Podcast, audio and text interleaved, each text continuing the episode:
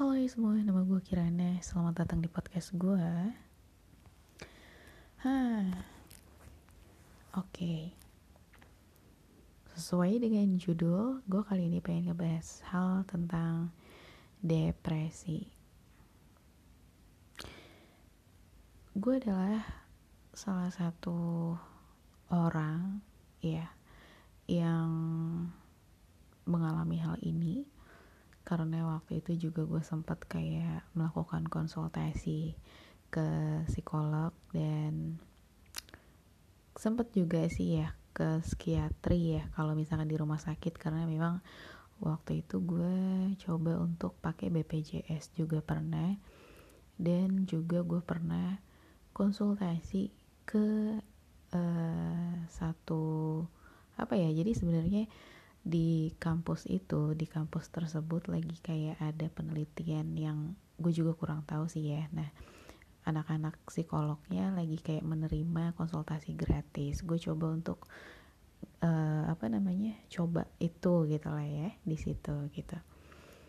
Ya lumayan lah lumayan membantu pada saat itu. Tapi um, gue pengen cerita tentang bagaimana sih? Atau kayak awal mulanya tuh gimana sih yang gue rasain? Kenapa gue bisa didiagnosa sebagai uh, orang yang mengidap atau kayak merasakan depresi? Depresinya gue depresi uh, ringan sih ya bukan bukan yang berat dan lain sebagainya. Gue depresi ringan. Jadi begini dulu itu gue tuh lebih sering mengalihkan hal-hal yang sebenarnya tuh gue nggak suka gue nggak nyaman. Kayak gitu sih awal mulanya ya. Jadi kayak ketika gue kayak ngerasa di zona nggak nyaman itu tuh kayak gue rasanya ya ya udah biasa aja gitu loh. Gue nggak ada gak ada hal yang gue takutin atau kayak gue curigai lah ya gitu. Kayak perasaan apa nih gitu gue nggak pernah berpikir seperti itu. Semua tuh hari-hari gue tuh berlalu begitu aja gitu. Intinya sih kayaknya gue memang terlalu cuek sih ya gitu sih. Terus uh, hari-hari berlalu sampai di titik gue merasa kayak bener nih kayaknya ada yang aneh nih gitu lah. Kayak tiba-tiba tuh respon tubuh gue tuh berbeda gitu loh kayak semakin harinya kok ini kayak semakin berat gitu gue laluin gitu. Contohnya sih gini sih ya. Uh, yang gampangnya gimana ya? Karena memang gak cuma depresi sih jadi uh, itu bercampur aduk. Tapi gue nggak mau ngomongin tentang gue didiagnosa lain sih ya tapi gue nggak mau ngomongin itu karena itu privacy gue. Jadi kayak gue pengen ngomong depresinya aja. Jadi yang gue rasa adalah waktu itu sebenarnya sih ya ini ada duka dari ketika gue kecil sih. Gitu. Gue tumbuh di dalam satu keluarga yang sangat apa ya gak pokoknya tidak ada kata demokrasi demokrat. Pokoknya ya kayak gitu deh. Semuanya tuh orang tua gue tuh kayak otoriter lah ya. Uh, masih yang patriarki banget masih yang jadul banget gitu ya. Jadi anak tuh harus kalau kata nyokap gue anak itu nggak boleh ngomong gitu. Maksudnya nggak boleh ngejawab lah ya. Jadi kayak wajib untuk diem. Jadi orang tua tuh yang katakanlah berkuasa gitu lah ya. Apalagi bokap bokap gue gitu. Jadi mau itu mau itu benar ataupun salah anak tuh tetap salah posisinya. Anak tuh nggak pernah benar. Mau lo kayak ada pembelaan oh nggak bisa. Pembelaan tuh di keluarga gue dianggap sebagai membangkang anaknya membangkang gitu loh.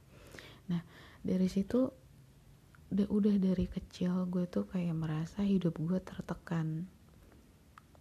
Terus juga gue dulu kan juga terbatas ya nggak boleh main. Maksudnya bukan nggak boleh sih ya sangat dibatasi untuk main gitu. Gue jam 5 sore itu harus udah di rumah. Jadi lewat dari jam 5 gue siap-siap aja nih nyokap gue tuh kayak ada tindakan fisik lah gitu ya. Memang nggak bener-bener sih maksudnya nggak bener-bener dikampleng lah ya gitu. Bahasa Jawanya tuh dikampleng gitu. Memang enggak kayak gitu cuman cukup sakit juga ya namanya masih bocah gitu. Kayak ditabok pantatnya tuh agak-agak nyeri gitu loh nah nyokap gue tuh tipe yang kayak mendisiplinkan anaknya banget lah gitu. Harus pulang jam 5 ya lewat dari jam 5 liatin aja nanti ibu tabok pantatnya gitu. Kayak gitu nyokap gue tuh tipe orang tua yang seperti itu. Bokap gue beliau sibuk kerja tapi di satu momen gue tuh jadi anak yang cukup sering dibentak gitu. Mungkin karena memang latar belakang bokap ya yang memang gimana ya keras orangnya dan lain sebagainya gitu. Dan pengennya tuh anaknya tuh bener-bener yang lurus gitu. Jadi bokap gue tuh menggunakan intonasi suara yang cukup kencang gitulah intinya. Jadi gue udah punya gambaran ya gue masa kecil gue seperti itu. Uh, mungkin kalau misalkan bukannya misalkan lagi ya itu adalah duka. Duka ketika gue masih kecil yang setelah dikulik-kulik menurut uh, psikolog ya memang itu bisa jadi gitu. Itu salah satu pemicunya. Tertahanlah semua emosi gue dari kecil gitu ya. Terus juga kayak uh, dialihkan lah emosi tersebut gitu. Jadi gue tuh gak bisa marah gue gak bisa emosi dan lain sebagainya. Gue harus menerima semua. Nah dari kecil gue sudah menampung itu menampung itu sampai uh, gue tuh ada di, di titik di mana ketika gue uh, belajar di luar kota gitu lah ya jadi jadi perantau gitu. Gue merantau di di satu kota di situ mulai memang memang ada plus minusnya sih ya. Kedisiplinan itu membuat gue jadi wanita yang sangat mandiri. Apa-apa gue tuh kayak rasanya gue nggak butuh uh, orang lain gitu. Gue bisa menyelesaikan sendiri. Contohnya gue bisa ngebongkar motor gue sendiri gue bisa ngebenerin radio gue sendiri bahkan DVD gue dulu pernah rusak juga gue betulin sendiri. Bahkan hal-hal yang cowok lakuin itu gue bisa lakuin gitu. Bahkan hal yang kayak uh, itu tuh sebenarnya kayak butuh praktek dan lain maksudnya kayak butuh ilmu gitu lah ya ilmu praktek kayak gitu. Tapi gue udah bisa gue juga nggak tahu kenapa. Jadi kayak saking apa ya bokap bokap gue dulu uh, dari gue kecil ya dari gue kecil itu gue kecil udah kayak disuruh apa apa tuh memang udah sendiri gitu. Nah dari situ itu itu plusnya. Minusnya adalah minusnya tuh kayak gue ngerasa um, gimana ya bahasanya? Bahasanya hmm, mungkin gini sih lebih tepatnya. Hmm,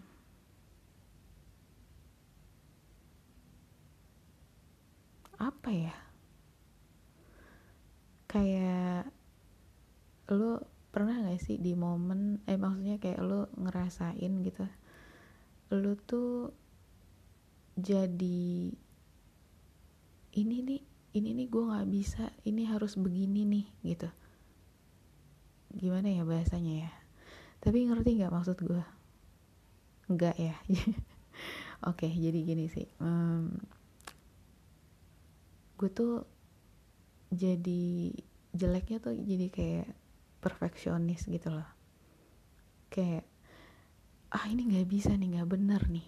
Pokoknya ini harus bener gitu loh ngerti gak nah kayak gitu deh pokoknya itu salah satunya. Terus kalau misalkan memang tidak sesuai dengan harapan gue gue tuh sekecewa itu gitu. Sekecewa itu. Sampai hmm, gue tuh terkadang tanpa sadar gue mengatur mengatur orang gitu loh. Nggak nggak bisa nih nggak bisa. Ini seharusnya yang bener tuh kayak gini nih kayak gini gitu. Terus kayak jadi kayak gue tuh sedikit banyak kayak mengkopi mengkopi sifatnya nyokap bokap gue gitu loh. Ke orang lain. Kayak gitu. Nah terus uh, nah ketika nyokap bokap gue jauh penggantinya adalah otak gue kayak gue tuh kayak disuruh sama otak gue nih begini begitu begini begitu begini begitu. Otak gue tuh kayak tiba-tiba tuh jadi pengganti orang tua gue itu yang gue rasain ketika gue uh, udah kayak beranjak dewasa lah ya gitu. Terus itu di masa remaja ya. Kemudian gue kuliah gitu. Kuliah itu lebih ke yang gimana ya kalau misalkan SMA masih yang kayak gitu kuliah tuh lebih gue kayak lebih kayak tertekan lagi gitu loh rasanya ini kayak lebih sering lagi lebih lebih mencekam lagi lebih suasananya seperti itu. Tapi tapi gue tuh kayak masih suka mengalihkan mengalihkan. Terkadang terkadang gue tuh kayak ah udahlah gitu. Udahlah ini kayaknya nggak apa-apa deh gak usah deh ini gitu loh. Gue udah mulai kayak gitu. Mulai kayak mengabaikan beberapa hal yang otak gue bilang enggak ini harus ini harus ini harus gitu gue udah mulai kayak gitu. Terus ketika gue kerja mungkin itu adalah puncaknya ya. Kerja itu gue tuh uh, pekerjaan pertama gue sih call center ya. Itu kayak nggak terlalu. Tapi ketika gue menjadi admin tiba-tiba tiba-tiba gue tuh kayak udah apa ya otak gue kayak udah males gitu loh rasanya. Karena gue sudah mengabaikan dari kuliah tuh gue udah mengabaikan itu semua. Dan pada saat gue kerja gue kayak otak gue tuh kayak aduh gue udah males deh sama lo gue mau nyuruh apa lagi juga lo nggak bakal lakuin gitu loh. Lo nggak bakal gini gitu nggak bakal gini gitu gitu. Kayak gitu. Itu pas waktu gue kerja tapi gue tetap karena gue memang orang yang sangat berlogika ya gue mulai mulai pakai antara sadar kesadaran gue gitu loh. Soalnya kan menurut gue otak itu kayak ada logikanya ada nekatnya kayak gitu. Kan ada rangkaian-rangkaiannya gitu ya kalau otak terbagi-bagi gitu kan. Nah kalau misalkan pada saat gue kerja itu gue lebih menggunakan logika gue jadinya yang yang biasa pengalihnya itu dia udah nggak bisa ngapa-ngapain gitu bukan yang nggak bisa sih perannya sudah berkurang. Tapi karena gue sering menggunakan logika, itulah yang membuat otak gue tuh udah capek gitu loh. Udah capek, itu juga ngebuat gue tuh kayak cepet bosen. Nah, di, di saat itulah setiap kerja gue rasanya tuh kayak gue berpikir ini kayak begini terus nih. Terus kayak gue sampai di titik di mana suatu hari gue bangun tidur gue bingung gue nggak bisa ngerasain apa pun. Gue gue tuh sedih enggak gue seneng enggak gue mau marah juga enggak pokoknya gue nggak ngerasain apa-apa. Sampai gue duduk di kasur gue tuh lama gitu. Untuk hanya sekedar memastikan gua ini kenapa gitu. Nah terus waktu itu gue tiba-tiba gue mengajukan surat resign ke kantor gue sampai orang kantor gue tuh bingung. Karena gue dikenal sebagai orang yang yang sangat rajin sangat bisa diandalkan sangat periang gue tuh bisa eh gimana ya? Tapi ya udahlah. Jadi gue tuh bisa mengubah kayak ada setelannya gitu loh. Pada saat gue ketemu orang ini gue tuh tiba-tiba bisa jadi berubah jadi kayak gitu terus kalau gue ketemu yang itu gue berubah lagi jadi orang lain. Kayak rasanya tuh kayak gitu. Kayak di tubuh gue tuh ada setelannya gitu loh. Terus nanti gue ketemu orang lain lagi gue bakal berubah lagi. Gitu. Nah gue tuh udah capek. Rasanya tuh kayak gue setiap hari tuh kayak gue lagi pakai topeng untuk menutupi bahwa sebenarnya gue tuh nggak baik-baik aja. Bahwa sebenarnya tuh kayak di otak gue tuh kayak masih ada yang ngomong tapi gue kayak nggak ngedengerin dia. Terus tapi kayak antara iya antara harus didengerin gak sih sebenarnya? Atau nggak usah aja gue juga nggak tahu kenapa ada pikiran-pikiran itu gitu. Kayak gitu. Otak gue tuh terus aja bekerja.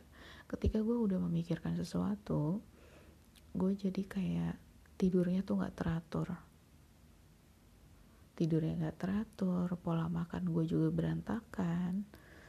Terus juga banyak hal yang akhirnya tuh gue ngerasa hidup gue tuh kacau gitu. Terus juga selain itu berpengaruh ke emosi gue gue bukan orang yang pemarah.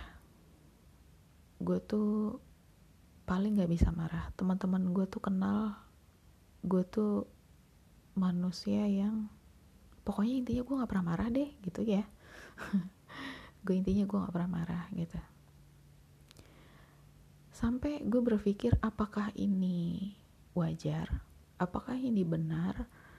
Apakah teman-teman gue maksudnya di dalam pemikiran mereka apakah gue sebaik itu? Atau gimana padahal aslinya gue ini orang yang sangat emosian. Gue ini cetakannya bokap gue banget. Oke okay. gue ini cetakan bokap gue banget. Bokap gue tuh orang Sumatera. Jadi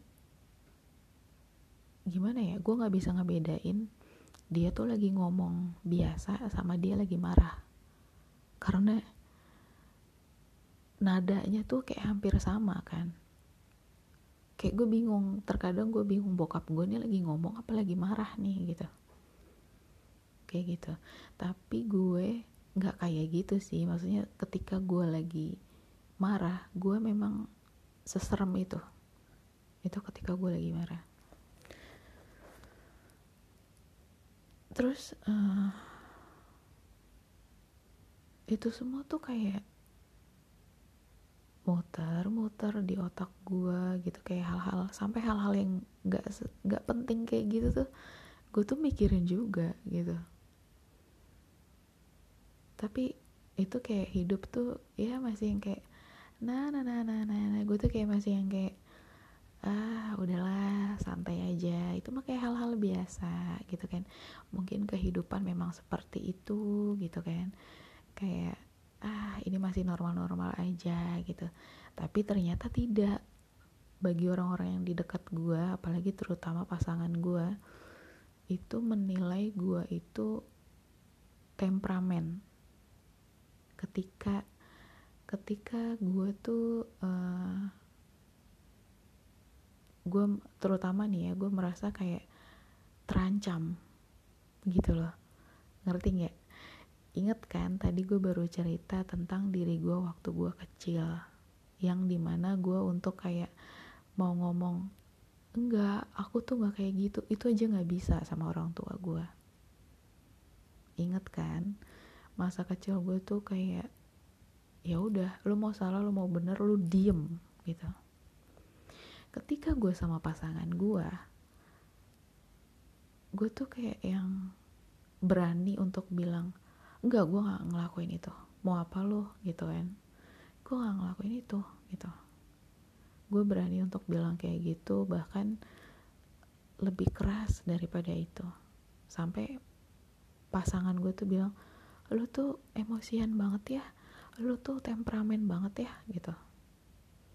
Temperamennya memang nggak parah sih. Cuman gue pernah sih maki-maki mantan gue hanya karena kita tuh nggak ketemu di pintu yang kita inginkan di sebuah mall yang emang pintunya emang banyak banget. Dan gue juga bingung pintu yang mana nih?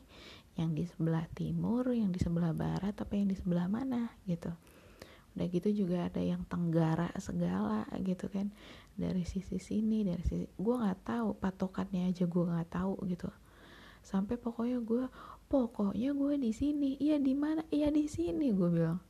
Sampai yang sebenarnya gue yang salah. Tapi kenapa gue emosi? Nah gue juga nggak tahu gitu. Jadi benar-benar dari mungkin ya gue gue tidak menyalahkan orang tua gue gue nggak tahu nih gitu. Jujur aja gue nggak tahu kenapa jadinya seperti ini gue juga nggak tahu gitu. Gedenya gue tuh dewasanya gue memang seperti ini. Nah tekanan-tekanan itu mungkin yang membuat gue pada akhirnya di suatu pagi gue tidak bisa merasakan apa-apa itu tadi gitu loh. Dan kayak gue sampai nanya temen gue yang Islam banget gitu ya. Uh, dia cuman bilang mungkin lo mau mendapat hidayah. Terus gue tuh kan kayak mohon maaf banget nih gue bisa dikatakan jauh banget dari agama gitu ya. Terus kayak gue bertanya sama diri gue sendiri apakah iya gue akan mendapat hidayah? gitu. Karena saking gue nggak ngerti apa yang gue rasain gitu. Apakah iya dan apa itu hidayah? Kayak pertanyaan-pertanyaan baru malah muncul di kepala gue. Udah gue tuh kayak lagi kosong tiba-tiba ada pertanyaan lain. Bisa ngerti nggak? Pusing ya gitu. Nah terus uh, teman gue kayak iya gitu. Kita tuh nggak akan pernah tahu kirana hidayah tuh datangnya kapan dan bentuknya apa dan bagaimana tapi ketika hidayah itu benar-benar datang di hadapan lo lo salah satu orang yang terpilih kata dia. Terus kayak gimana caranya gue bisa merasakan itu hidayah ketika gue menceritakan apa yang gue rasakan ke Allah dan yang gue rasakan adalah kosong gitu. Iya kan terus gue kayak otak gue tuh kayak menyangkal itu semua. Kayaknya bukan hidayah deh. Kayaknya gue tuh kayak mau di ujung gila gitu loh. Di ujung persimpangan ketika gue tuh udah mau give up sama hidup gue yang gue juga nggak ngerti hidup gue ini kenapa gitu loh. Gue tuh udah capek sama semua gue udah capek. Gue capek tapi aduh jatuhnya jadi drama ya. Tapi intinya gue capek sama urusan kantor lah pada saat itu ya gue udah gue udah sampai mati-matian nih ngebelain karena gue di posisi yang udah tergencet banget gitu. Karena saking hanya gue bukannya mau sombong ya hanya gue yang bisa diandalkan. Ketika orang-orang lain tuh nggak bisa diandalin tapi gue nya sendiri yang malah gila gitu loh rasanya. Gue tuh kayak udah sampai yang nggak bisa menampung itu semua gue memilih gue memilih akhirnya untuk kayak ya udah deh gue resign aja gitu. Gitu. Sampai seperti itu. Terus kayak gue kayak ngerasa hidup tuh gini banget ya gitu. Sedangkan gini eh, orang-orang melihat gue tuh gue tuh maunya di ngertiin karena gue merasa gini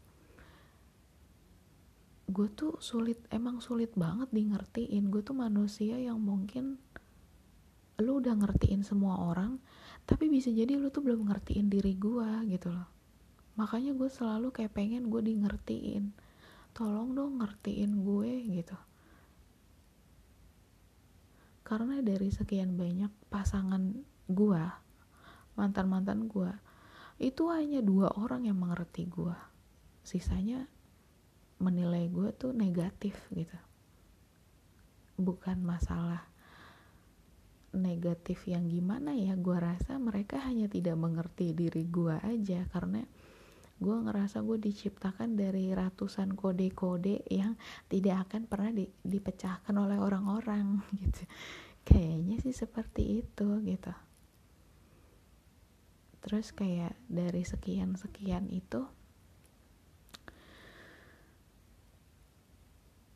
gue tuh aduh makin hari ya dari situ ya dari ketika gue nggak ngerasain apa-apa itu gue ngerasa hidup tuh semakin gue tua nih ya. Kayak gini ya gitu. Kayak gue nggak pernah nyangka gue tuh tuanya kayak gini gitu.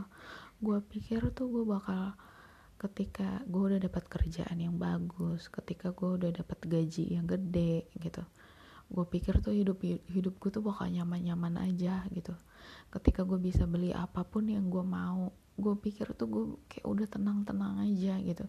Hidup gue bakal sejahtera mau ataupun enggak sama pacar gitu. Maksudnya ada ataupun tidak gitu loh. Punya ataupun enggak gitu loh punya pacar ataupun enggak tuh kayak hidup gue tuh gue pikir tuh seindah itu. Ternyata enggak. Di luar daripada gue ngurusin percintaan gue gue tuh sebenarnya lagi berperang sama diri gue sendiri. Ngerti gak lo? Ngerti kan? Makanya gue tuh sampai yang kayak kayaknya diri gue nih gak beres deh gitu. Akhirnya gue waktu itu pertama kali banget nih ya gue gak tahu ini benar apa enggak ya langkah-langkahnya. Apa mungkin gara-gara gue pakai BPJS gue juga nggak tahu gitu. Pada suatu hari gue pergilah ke rumah sakit daerah di kota gue, di kota tercinta gitu ya, di Depok gitu. Terus uh, di Depok itu uh, gue disodorkan soal-soal seperti saya ingin masuk uh, eh, PNS gitu, kayak pilihannya gimana sih maksudnya? Ulang ya, ulang ya, ulang. Jadi gue tuh kayak suruh ngisi soal-soal di mana itu yang menggambarkan diri lo. Persyaratannya harus benar-benar yang menggambarkan tentang diri lo.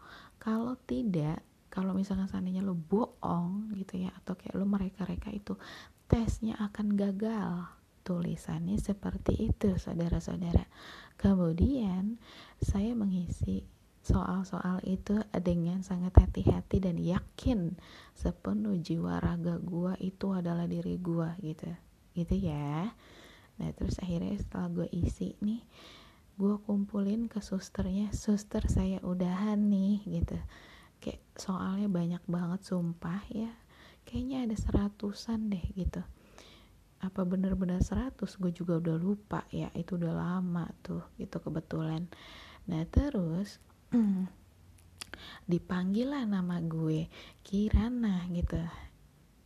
Yuk ketemu dokternya yuk gitu kan. Nah terus gue udah tuh ketemu dokternya. Dokternya menjelaskan e, Kirana iya saya boleh ajukan beberapa pertanyaan ya. Silahkan bu dokter gitu baik pertanyaan pertama. Pokoknya intinya dokternya kayak ngajuin beberapa pertanyaan gitu kan. Terus gue tuh kayak iya dok. Tidak. Hmm, kadang-kadang. Gitu doang. Jadi gue pikir tuh gini kalau lagi kayak di rumah sakit tuh kayak gue kayak bener-bener konsul gitu ngerti kan? Kayak gue menceritakan gue tuh kenapa gitu tapi tidak kawan-kawan gitu. Kenyataannya adalah hasil dari tes tersebut itu hanya untuk uh, apa tuh namanya ya menggambarkan bahwa kondisi lo tuh bagaimana hubungannya dengan rekan kerja dengan keluarga dalam hati gue ini kayaknya ada yang salah nih gitu. Gue ke psikiatri itu dari rujukan udah gue dari rujukannya dari puskesmas gue ya gitu. Di rumah sakit tesnya begitu dong udah kayak bener-bener gue pengen kayak ngedaftar CPNS begitu ngerti kan lo? Terus dalam hati gue ah kayak begini doang nih bu dokter kayak nggak ada lanjutannya gitu. Ya iyalah kagak seru banget gitu ya. Kayaknya salah deh ya gitu. Lo yang kayak ke dokter tuh kayak gitu juga gak sih? Kayak dokter psikiatri itu kayak begitu kah langkahnya atau bagaimana sih gitu? Gue begitu sih. Pakai BPJS ya. Gue nggak tahu kalau nggak pakai BPJS mungkin kayak lebih lebih beneran gitu dokternya tuh kayak bener-bener ngedengerin gue iya kenapa kiranya? Oh begitu gitu kali ya. Gara-gara gue pakai BPJS apa ya gitu. Bodoh amat dah nah terus akhirnya dari situ gue udah udah nggak mau lagi tuh tes tes di rumah sakit lah gitu ya. Gue pikir kayaknya enakan tuh kayak ke psikolog lah gitu ya. Kayaknya bener-bener deh kalau psikolog tuh bakal ngedengerin kita gitu loh. Nah terus akhirnya gue ke salah satu universitas di mana mantan gue tuh jadi alumni gitu lah ya mantan terakhir gue nah terus uh, akhirnya gue ceritakan ke mantan gue kondisi gue tuh seperti apa. Gue gue sampai bilang kayak gini loh gue masih ada chatnya. Angel gue layak gak sih dicintain? Gue gue layak gak sih disayangin sama orang? Terus dia bilang gini Kirana semua orang tuh kayak kayak pantas untuk disayangin dan dicintain terus udah gue bilang gini gue nggak butuh jawaban lo yang dari Mario Teguh gue bilang. Gue nggak butuh jawaban lo yang dari Mario Teguh. Gue nanya sekali lagi gue pantas gak sih disayangin? Gitu. Terus dia bilang pantas. Lo pantas disayangin dan disayangin. Eh disayangin dan disayangin. Capek kayaknya nih otak gue ya. Kayak intinya gue pantas kok disayangin. Gitu lah disayangin dan dicintai to be loved dan apa gitu deh ya bahasa Inggrisnya mohon maaf nih kita lupa gitu ya seperti biasa. Nah terus dari situ tuh eh dari situ enggak gue pas dia kayak ngejawab gitu gue kayak Hah, kayaknya bukan masalah cinta deh. Karena tadinya gue pikir tuh ini kayak ada masalah di percintaan gue dan lain sebagainya. Ternyata tidak gitu kan tapi ntar deh ya gue tetap kayak menunggu uh, dari psikolog dulu nih gitu kan. Terus gue mulai bercerita nih sama psikolognya. Akhirnya gue gue beneran nih ketemu sama psikolognya. Itu ternyata temennya mantan gue juga gitu. Cuman dia adik adik angkatnya gitu deh pokoknya kayak gitu gitu deh. Teman-teman main teman-teman ketemu gitulah. Dari situ gue coba kayak ngejelasin kan gue tuh kenapa kayak gini gini gini gitu.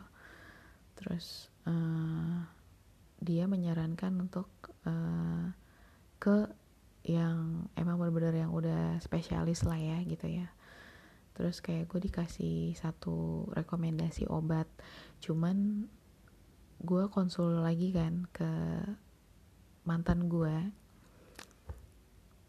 ini dikasih rekomendasi obat gimana nih? Gue bilang gitu kan. Nah terus kan emang emang sih mantan saya dokter ya? Gitu. Tapi cuman dia uh, bukan dokter orang gila gitu. Kayak mantan gue tuh bukan ininya gitu ya. Jadi dia tuh kayak bingung juga gimana ya? Gitu. Terus uh, akhirnya gue nanya sama temen gue yang pernah konsultasi gitu ya ke psikolog dan memang disarankan kayak ada Nah ternyata kata teman gue itu adalah salah satu obat penenang. Gue lupa lagi namanya apa gitu kan. Terus obat penenang kayaknya kayaknya mohon maaf nih saya udah tenang-tenang aja bahkan sampai tidak merasakan apa pun gitu kayaknya kayaknya mohon maaf nih salah apa gimana nih gitu kan nah terus kata teman gue juga bilang gini memang uh, kita tuh obat udah udah ketemu uh, psikolog aja yang cocok aja kita udah susah ya gitu. Obatnya pun ya obatnya pun nggak yang langsung jos gitu lah nggak nggak yang langsung paten gitu. Itu kayak harus dicoba-coba dulu dicocok-cocokin juga gitu kata teman gue lah. Gue kan semakin takut ya kayak hah? gitu. Itu obat loh kawan gitu kayak obat gitu kan. Masa sih harus ada cocok-cocokannya? Gimana sih? gitu. Iya beneran beneran Kirana. Gue tuh kayak untuk survive dari waktu itu memang dia kayak ada ini apa dia selalu menyakiti tubuhnya dia sendiri gitu kan. Terus uh, dia dikasih rekomendasi obat itu nggak nggak yang langsung oh obat ini memang bagus nih gitu dan cocok sama dia. Nggak kayak gitu. Jadi obatnya tuh kayak uh, dicocokin dulu gitu loh. Dia cocok apa enggak dan lain sebagainya. Sempet dia ganti beberapa obat gitu baru kayak nemu yang cocok nih gitu kan. Karena mungkin mungkin dia juga punya alergi dan lain sebagainya. Gue juga nggak tahu ya gitu. Maksudnya kategori nggak cocok tuh yang kayak gimana juga gue kurang tahu gitu dari situ gue kayaknya nggak mau deh gitu ya. Beli obatnya gitu. Terus uh, tahu nggak apa yang gue lakuin? Jadi jawabannya adalah uh, gue mendetoks diri gue gue mendetoks diri gue gitu gimana cara mendetoksnya? Awalnya gue juga nggak nggak tahu ya. Tadinya tuh kayak gue tuh kayak nggak ada rekomendasi atau nggak ada referensi nggak ada masukan apa pun lah dari teman-teman gue orang-orang yang deket gue tuh nggak ada. Awalnya ya itu dari semenjak gue putus sama si Angel gue mencoba sih jadi gini sih kan gue udah putus nih sama si Angel. Angel berpikir gue tuh udah gak sayang sama dia. Padahal ya ampun. Gimana gue gak sayang gitu? Gue sayang banget gitu. Sampai pada suatu hari dia tuh kayak memastikan gitu lu masih sayang gak sih sama gue terus gue dengan dengan gimana ya? Sayang gitu. Gue tuh kayak langsung yang gitu. Ngerti gak sih lo gue jawabnya dengan lantang gitu kayak kayak laki gitu. Kayak gitu. Gue kayak yang ketika dia nanya lo saya sih sama banget gitu. Kayak banget. Tapi gue nggak tahu nih mohon maaf nih kayaknya gue memang lagi agak miring gitu. Kayak gue juga nggak tahu kenapa gitu pada saat itu. Nah terus uh, ya udah kayak ini emang udah keputusan kita berdua kan? Ya udah deh kita putus ya. Iya putus gitu kan. Udah kita bener-bener putus. Emang udah keputusan kita berdua uh,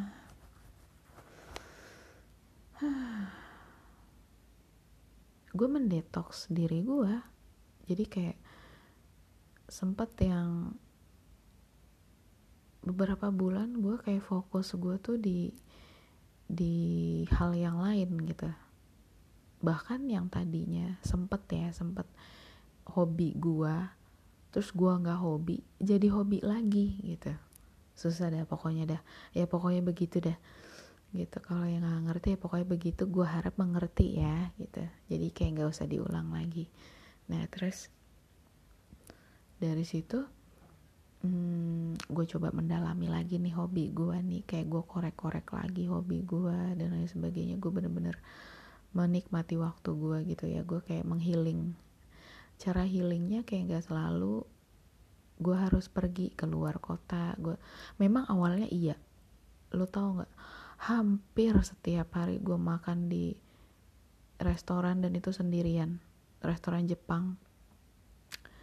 Cuman gara-gara sebenarnya sih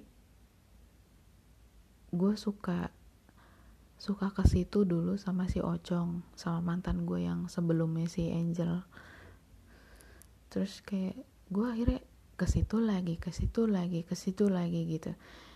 Kayak sekali makan habis berapa ratus ribu berapa ratus ribu. Udah kayak bener-bener gue orang kaya nih gue hambur-hamburin deh nih neh neh neh gitu. Kayak gitu. Awalnya itu membuat diri gue tuh kayak wah tercukupi nih gitu. Apa yang gue pengen tercukupi itu awalnya. Tapi setelah itu gue kayak ngerasa diri gue kayak semakin terpuruk dan setiap hari yang gue rasain tuh cuma nangis sedih nangis sedih. Terus gue merasa diri gue tuh kayak kecil banget dan gue kayak ngerasa nggak berguna. Gue merasa diri gue tuh itu seketika ya. Bener-bener itu semua tuh kayak gue tuh nih ya pernah gue gue pernah suatu hari gue nangis. Gue teriak tapi gue tutup mulut gue pakai bantal. Supaya yang supaya gak kedengeran lah gitu ya. Sampai kayak gitunya. Sampai yang gue tuh udah gak nahan lagi gue udah gak tahan gitu loh rasanya tuh kayak gue pengen teriak gitu. Terus kayak yang gue rasanya pas lagi nangis juga tubuh gue tuh kayak kependem di dalam tanah gitu loh. Dem dem dem dem dem dem dem gitu loh. Ngerti gak kayak di kartun-kartun kayak uh, dulu sih Dragon Ball ya gitu. Ketika Piccolo ya mengkamehameha si Sun Gokong tiba-tiba itu Sun Gokongnya tembus ke tanah kan. Dem dem dem dem dem dem. Nah seperti itu gambarannya gitu. Kayak rasanya tuh dada gue tuh di tonjok gitu loh ngerti gak dada gue tuh ditonjok bum gitu. Gue tuh kayak sakit banget gitu. Sampai gue tuh rasanya udah mata gue bengap gitu ya. Dada gue sakit. Ditambah lagi sekujur tubuh gue lemas gitu. Kayak bener-bener manusia tidak bertulang. Gue merasa wah bener sih. Gue asli gue di situ berpikir bahwa wah gue sangat tidak berguna di dunia ini. Gitu. Kayak gitu. Itu masa-masa ya itu udah didiagnosa depresi ringan gue semakin semakin dan semakin merasa pikiran gue itu semakin gak gak gak terarah gitu lah terus juga selain itu juga gue kayak ngerasa secara otomatis ya energi gue itu berkurang. Gue kayak cepat capek gue tidak bergairah dengan apa pun. Kayak gitu. Walaupun gue lagi berusaha nih di di kan tadi gue udah cerita ya gue udah berusaha untuk kayak membangkitkan mood gue lagi dengan hobi gue tapi itu tuh nggak cukup gitu loh kayak lu tuh kayak rasanya butuh sesuatu hal yang tepat yang bisa membangkitkan jiwa lu lagi. Tapi lu nggak tahu apa. Apa yang bisa membangkitkan? Nah nah itu gue balik lagi ya. Jawabannya adalah detox gitu. Detox hidup. Apa sih detox hidup itu kiranya baik akan saya ceritakan. Detox hidup udah kayak sales gue ya. Baik.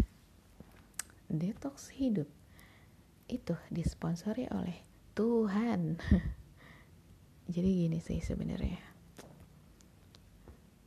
Ketika ini lo ada yang pernah ngerasain ini gak sih? Ketika lo lagi ada di bawah gitu ya. Di bawah tuh bukan dalam artian lo bangkrut bukan kayak lu tuh lagi bener-bener hilang arah lah gitu ya.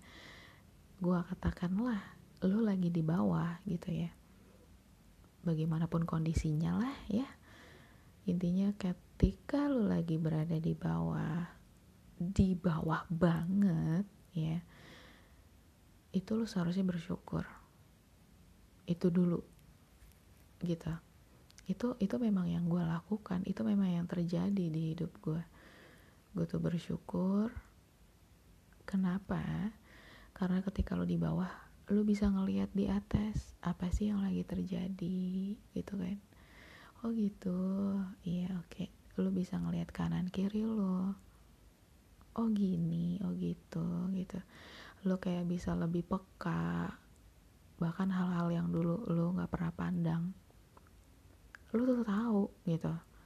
Gue tuh dulu nggak pernah tahu berapa langkah sih untuk menuju ke kos gue dari kantor gue gue jadi tahu. Ada berapa anak tangga sih di kos gue gue jadi tahu. Itu hal-hal kecil ya baru hal-hal kecil.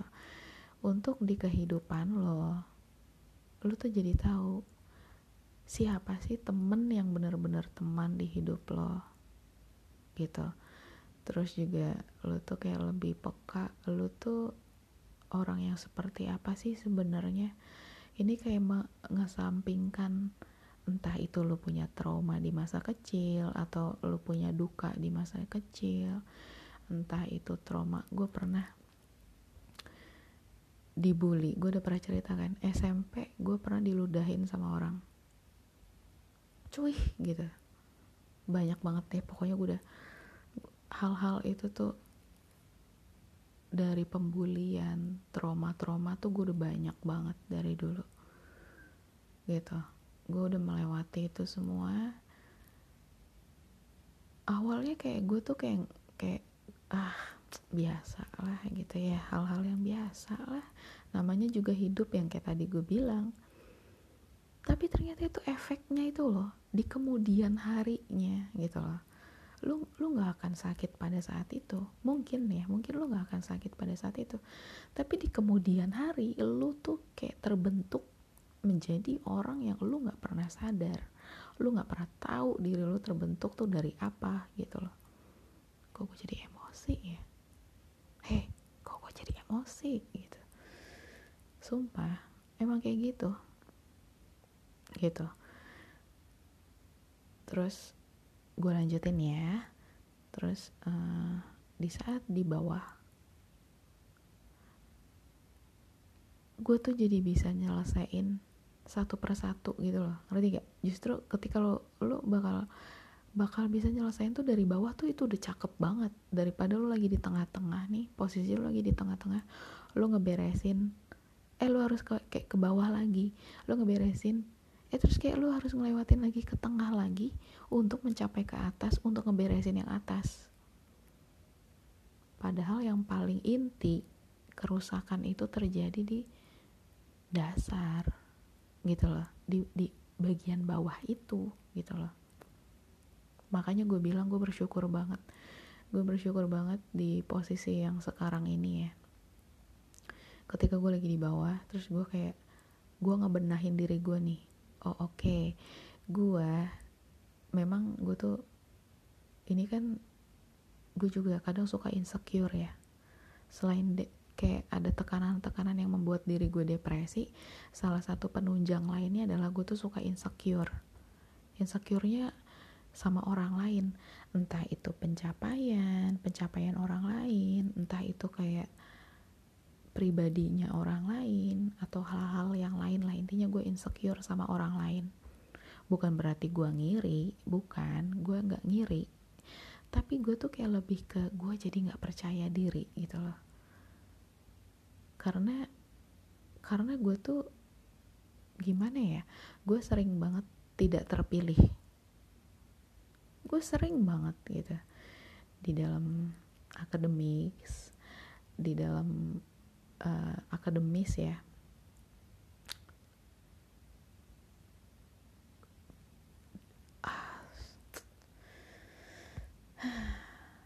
Iya, gue sering sering nggak kepilih gitu, ngerti kan? Gue termasuk di dalam orang kutu buku yang lumayan pinter, tapi gue nggak kepilih. Gak tahu kenapa. Gue tuh kayak paling terakhir dipilih gue mungkin karena gue tuh pemalu sih sebenarnya. Jadi gue kayak nggak langsung yang pilih gue dong gitu. Kayak aku nih ada gitu. Kayak nggak pernah gitu. Mungkin gitu kali ya. Karena saking gue tuh uh pemalu banget gitu. Mungkin seperti itu. Terus kayak teman gue tuh lebih kayak milihnya secara otomatis yang deket sama dia yang periang kayak gitu ya kayak mereka kayaknya nggak butuh orang yang pinter deh gitu. Yang penting yang deket sama dia aja gitu. Kayak gitu akhirnya gue kayak terakhir dipilih gitu atau mungkin tidak terpilih tadi gitu. Sampai di urusan percintaan pun uh, gue juga seperti itu gitu kan. Ketika mantan gue memilih orang lain gitu ya yang paling jelek banget sih ketika gue sama si Onet sih ya. Gue tuh langsung membandingkan lawan gue gitu loh. Oh lawan gue kayak gini pantesan dia milih orang itu gitu. Yang padahal gue nggak akan bisa mampu sampai ke tahap orang itu. Gak akan bisa gak akan bisa. Tapi gue tuh otak gue sekeras itu berpikir bagaimana gue bisa menjadi dia? gitu. Bodoh bukan? Gitu. Nah di situ gue mulai perbaiki itu juga gitu. Gue gue udah kayak ngobrol dan ketemu sama beberapa orang salah satunya si Risa gitu ya. Si Risa bilang Kirana seharusnya lu tuh uh, jangan berpikir seperti itu. Tadinya kan gue bilang gini gue mengharapkan gue mengharapkan dapat pacar yang begini begitu begini begitu begini begitu gitu. Terus si Risa pernah bilang kayak gini Kirana lu jangan berpikir seperti itu gitu. Kenapa? Gue bilang ya no offense ya kata dia gitu. Tapi kalau misalkan lu memilih orang yang seperti itu lagi hubungan lo nggak akan mulus gitu. Terus gue kayak berpikir keras gitu ya. Iya juga ya gitu. Jadi kayak sebenarnya perannya si Risa itu sangat membantu hidup gue banget gitu. Dia menyadarkan gue dan membantu memperbaiki itu gitu. Akhirnya udah dong gue kayak udah berhasil nih memperbaiki yang satu ini. Terus gue perbaiki lagi yang lain perbaiki lagi yang lain perbaiki lagi yang lain seperti itu. Gitu. Itu yang gue lakukan.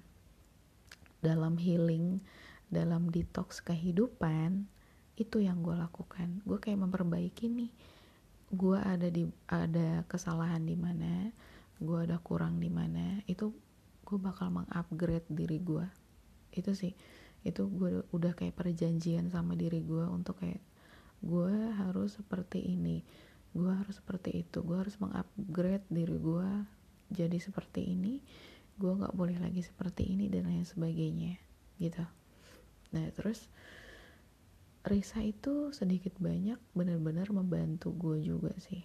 Selain daripada dia udah ngebantu yang tadi dia tuh terkadang gimana ya cukup bukan cukup sabar lagi ya. Kayaknya gue udah pernah cerita ya udah gue maki-maki dia tuh ini semoga menjadi amal ibadahnya dia deh kayaknya ini amal ibadah dia banget deh gitu ya. Makasih ya Risa ya gitu.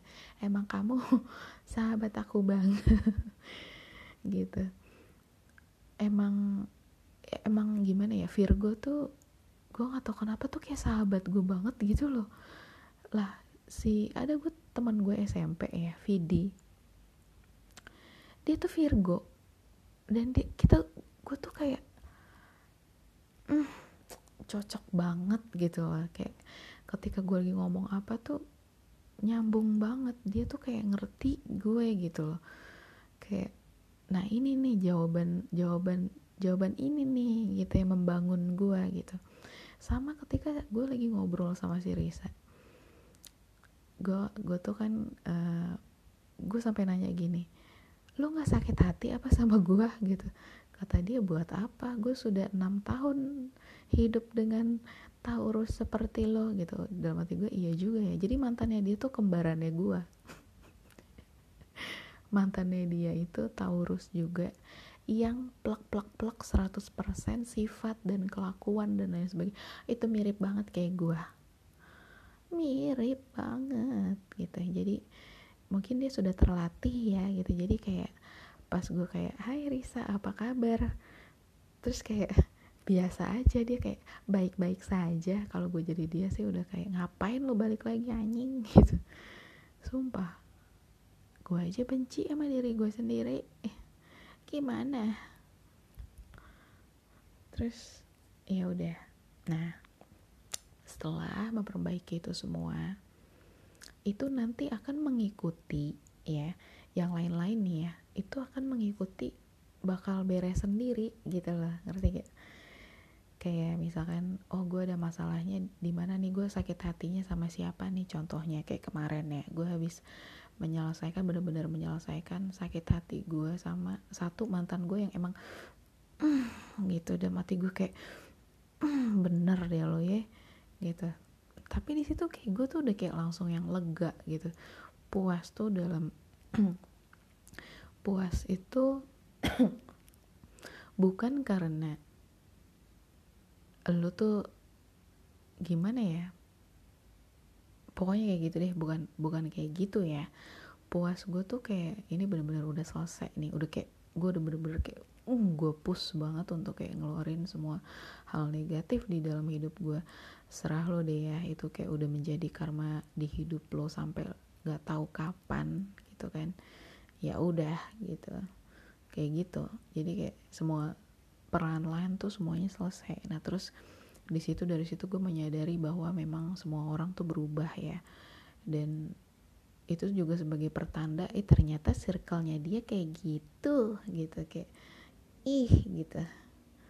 Kayak gitu sih. Ya gak ih juga sih maksudnya ya memang berbeda lah ya gitu. Dan banyak hal yang gue temukan sih ya dari ketika gue berbicara lagi sama si mantan engcek satu ini emang wow gila sih. Banyak banget berkah alhamdulillah gitu. Kayak makasih ya kamu sudah mengajarkan aku. Gitu. Akhirnya ada juga hal yang berguna dari diri lo gitu. Terus juga kayak tiba-tiba gue kayak berpikir selain manusia itu berubah ya di situ juga gue kayak ngerasa oh berarti mantan mantan gue yang lain juga sudah berubah gitu. Dan kayak gue sudah udah kayak nggak usah deh lo kayak nggak bisa move on nggak bisa move on gitu kan. Di situ tuh kayak makanya di situ kayak onet tuh udah ya udah agak menjauh lah gitu. Eh ngomong-ngomong bulan ini adalah bulan September bulan di mana gue diputusin sama si onet. Diputusin sama si onet ya udahlah lah. Kok jadi nangis?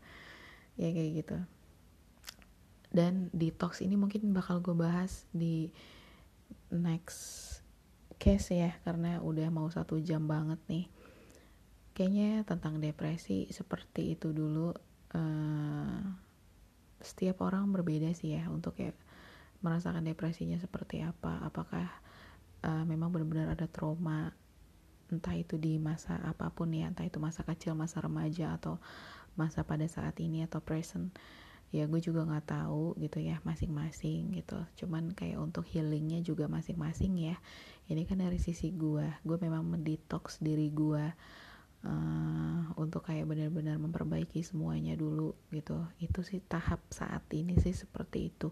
Gue masih di dalam tahap untuk memperbaiki semuanya gitu. Daripada gue tetap kayak hidup seperti biasa tapi masa lalu gue tuh kayak belum terbereskan atau belum terselesaikan. Jadi lebih baik diselesaikan terlebih dahulu kayak gitu. Ya kita sama-sama mendoakan ya. Semoga kita bisa survive dari uh, apa ya dibilang penyakit juga sebenarnya ya gimana ya gitu. Untuk masa-masa depresi kita inilah intinya gitu ya. Supaya kita tuh bisa menjadi uh, pribadi yang lebih baik positif aja sih ya. Harus banyak-banyak menumbuhkan hal-hal positif. Lo harus kayak misalkan uh, harus dapat inspirasi atau kayak bacaan-bacaan dari entah itu buku atau dari internet dan lain sebagainya gitu. Kayak lebih banyak mungkin bersosialisasi bagi yang introvert ya kalian bisa menikmati waktu sendiri kalian gitu. Dan menemukan kegiatan apa yang memang kalian senangi gitu. Kayaknya sampai segini dulu ya uh, pertemuan kita dan bakal gue terusin lagi di kesempatan lainnya. Makasih sudah mendengarkan uh, bye bye